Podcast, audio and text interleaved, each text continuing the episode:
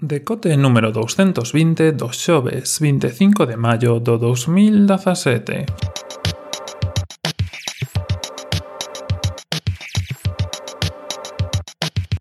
Bos días e benvidos a este novo decote deste Día do Orgullo Friki, así que, primeiro todo, felicidades a todos os ouvintes que disfrutedes moitísimo deste día. Sabes que o Día do Orgullo Friki e da toalla, así que, bueno, cada un que vaya vaya por onde máis lle preste.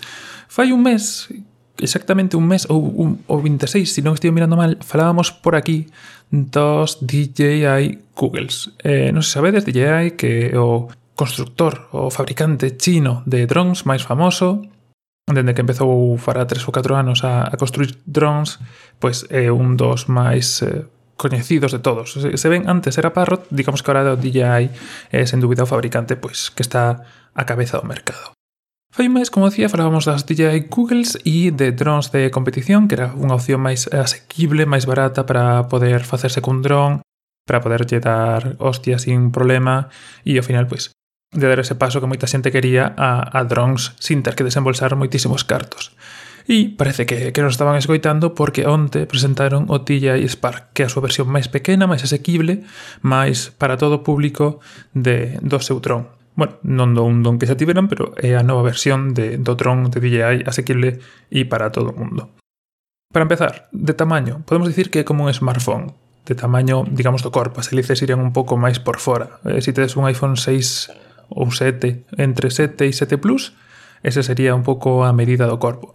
De todas formas, como sei que falar de drones e exactamente da, da calidade de imaxe e todo isto, que será do que falaremos hoxe, é complicado sin velo. Deixo vos na descripción un vídeo de Casey Neistat e de Marcus Brownlee, que son dos dos eh, youtubers que sigo e que máis me molan, para que vexáis un pouco a comparativa. Cada un fai o seu rollo, un máis o estilo blog de Casey, un máis eh, técnica e tecnoloxía como é Marques, pero bueno, os dous cada un no seu vídeo que fixeron en conxunto e así tedes un pouco máis idea de, de como vai a cousa e exactamente o tamaño, calidad de imaxe e todo ese tipo de cousas.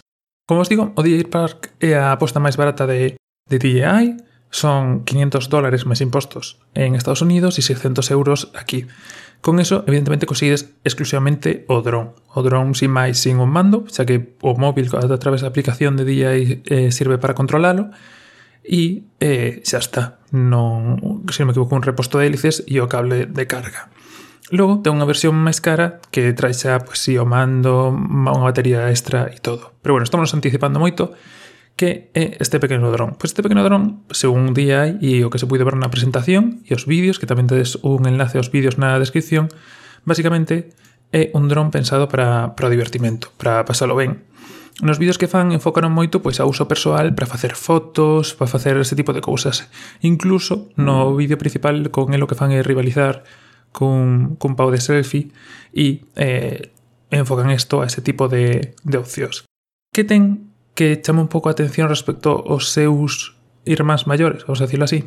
Pois o principal é o control por xestos. É o primeiro dron de DJI que ten controls por xestos. entonces ahora podes controlalo tanto co móvil como con mando a distancia, con controlador, como por xestos. Os xestos que están bastante logrados, están bastante ben, permítenche pois indicarlle que saque unha foto, que se alonxe, que se acerque, que aterre. O ser tan pequeno, ademais, leva unha función para aterrar na man para que poida despegar e aterrar na man sin ningún problema, sin necesidade de superficie. Ademais, pois, se, tengan, se tes a man tan grande como a mí, pois, sobrará espacio, senón, pois, ten un sensor na parte inferior que, que permite saber exactamente onde ten que aterrar sin, sin que haxa problema. Logo, evidentemente, leva unha cámara coa que fai os selfies e leva un mogollón de sensores. Se viste o vídeo do DJ Phantom 4 que subín a YouTube, sabes un pouco de que vai o tema dos sensores, e este é moi similar. Leva un sensor dianteiro para evitar os choques frontais, non o leva ni lateral ni traseiro, pero bueno, pensando que un dron para, para xente que empeza, pois pues non está mal. E logo sensores eh, na parte inferior, para o tema que vos digo, de sensor de onde está o suelo e de aterrizaxe, ese tipo de cousas. Evidentemente tamén leva sensores de posición que permiten que volva ao sitio onde despegou cun comando ou cando perde a sinal co, co móvil ou co controlador e cando lle queda pouca batería, pois que tamén cando lle queda xusta para volver, que volva e aterre sin que teñas que decirle nada. Esas cousiñas que DJI fai moi ben e que, e que chama moitísimo a atención. Ademais, ainda pese a ser un dron pequeno, leva os mesmos controles de posición que os irmãos maiores. E isto, se non tivestes oportunidade de, de andar con un dron, notase moitísimo.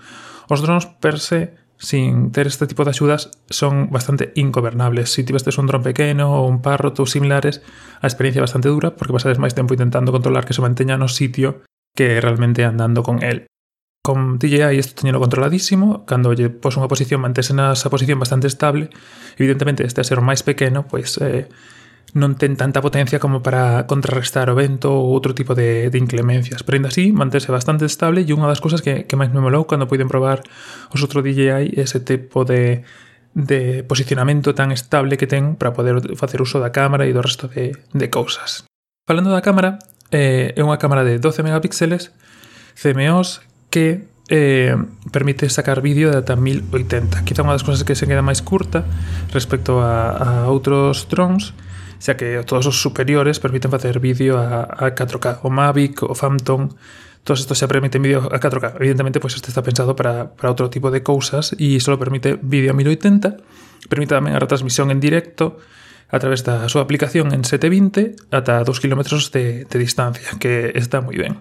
A máis a cámara pois podese mover un pouco lateralmente e para arriba e para baixo, é dicir, eh, verticalmente, non ten tres eixes como as outras cámaras, e ten bastantes novos modos, que eu creo que é a parte máis interesante. Ten un modo panorámico, tanto vertical como horizontal, e ten opcións de sacar fotos e vídeo pois moi relacionado con, con redes sociais. Eh, ten función de vídeo de, de 10 segundos, ten posibilidade de xogar coa profundidade de campo como o efecto retrato do iPhone, e vamos a poñer isto entre comillas, como xa lo focus, e despois evidentemente pois todos os tipos de, Debo diferentes, o rocket, onde ascende verticalmente coa cámara apuntando hacia baixo, típicos disparos, os típicos grabacións que dan das resultonas, o drone, onde sale xa do objetivo, onde que se, que se eleva, o Psyker, onde orbita ao redor dun objetivo, e o Olix, onde traza un momento espiral ascendente, eh, pois sempre tendo en punta o objetivo. Ademais desto, pois, como os, os seus outros donos ten, ten un modo Sport que lle permitirá ata 50 km hora con el, E eh, tamén ten eh, soporte para as DJ Google, estas que falábamos, como os decía, fai un mes.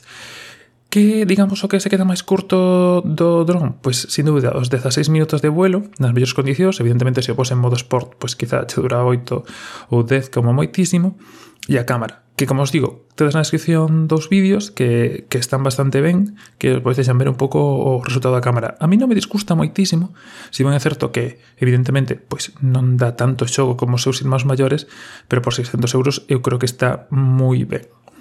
Como os decía, versión barata 600 euros, a versión que é a mesma, pero con máis engadido son 800 euros, que se chama Spark Vuela Más e que ten o control remoto, un par de hélices extra, protectores para as hélices, pois, por se facedes vos interiores ou que sexa, unha batería adicional, un porto de carga e unha bandolera para leválo todo xunto.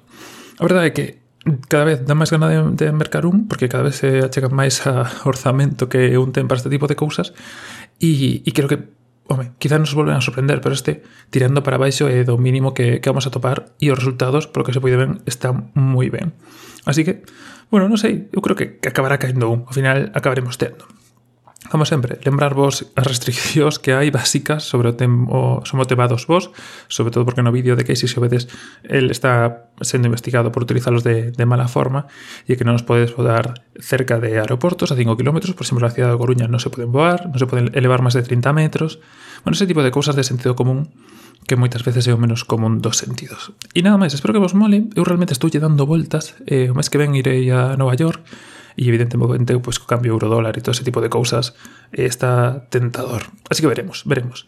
En fin, nada máis por así, De novo un pouco máis tarde do que me gustaría, pero xa está aquí. Veremos mañá se eu podo axustar, pero bueno, están saindo todos polo menos no día, pola mañá, ainda que sea un pouco tarde. E nada máis por ese. Vémonos de novo mañá no mesmo sitio a mesma hora. Decidme se si vos tedes algún dron, se si isto vos está tirando, se si isto vos falla, si fai que vos apetezca máis ter un dron. Y, y, a ver qué pasa. Al final acabaremos todos con un bolsillo, porque con este tamaño eh, el bolsillo se entran perfectamente. Y eso, nada más. Como siempre, todos los enlaces en podcast.org.net o esos enlaces, pues a propia nota de prensa de DJI a, o eh, artigo de Shataka donde explican esto un pouco mellor e os vídeos de Casey e Marx onde, onde podedes ver en vídeo o resultado da cámara, vuelo, ese tipo de cousas. Nada más por ese que añades un bo día, un bo día de orgullo, friki, y vémonos de nuevo mañana no mismo sitio y a mesma hora. Un saludo y hasta mañana.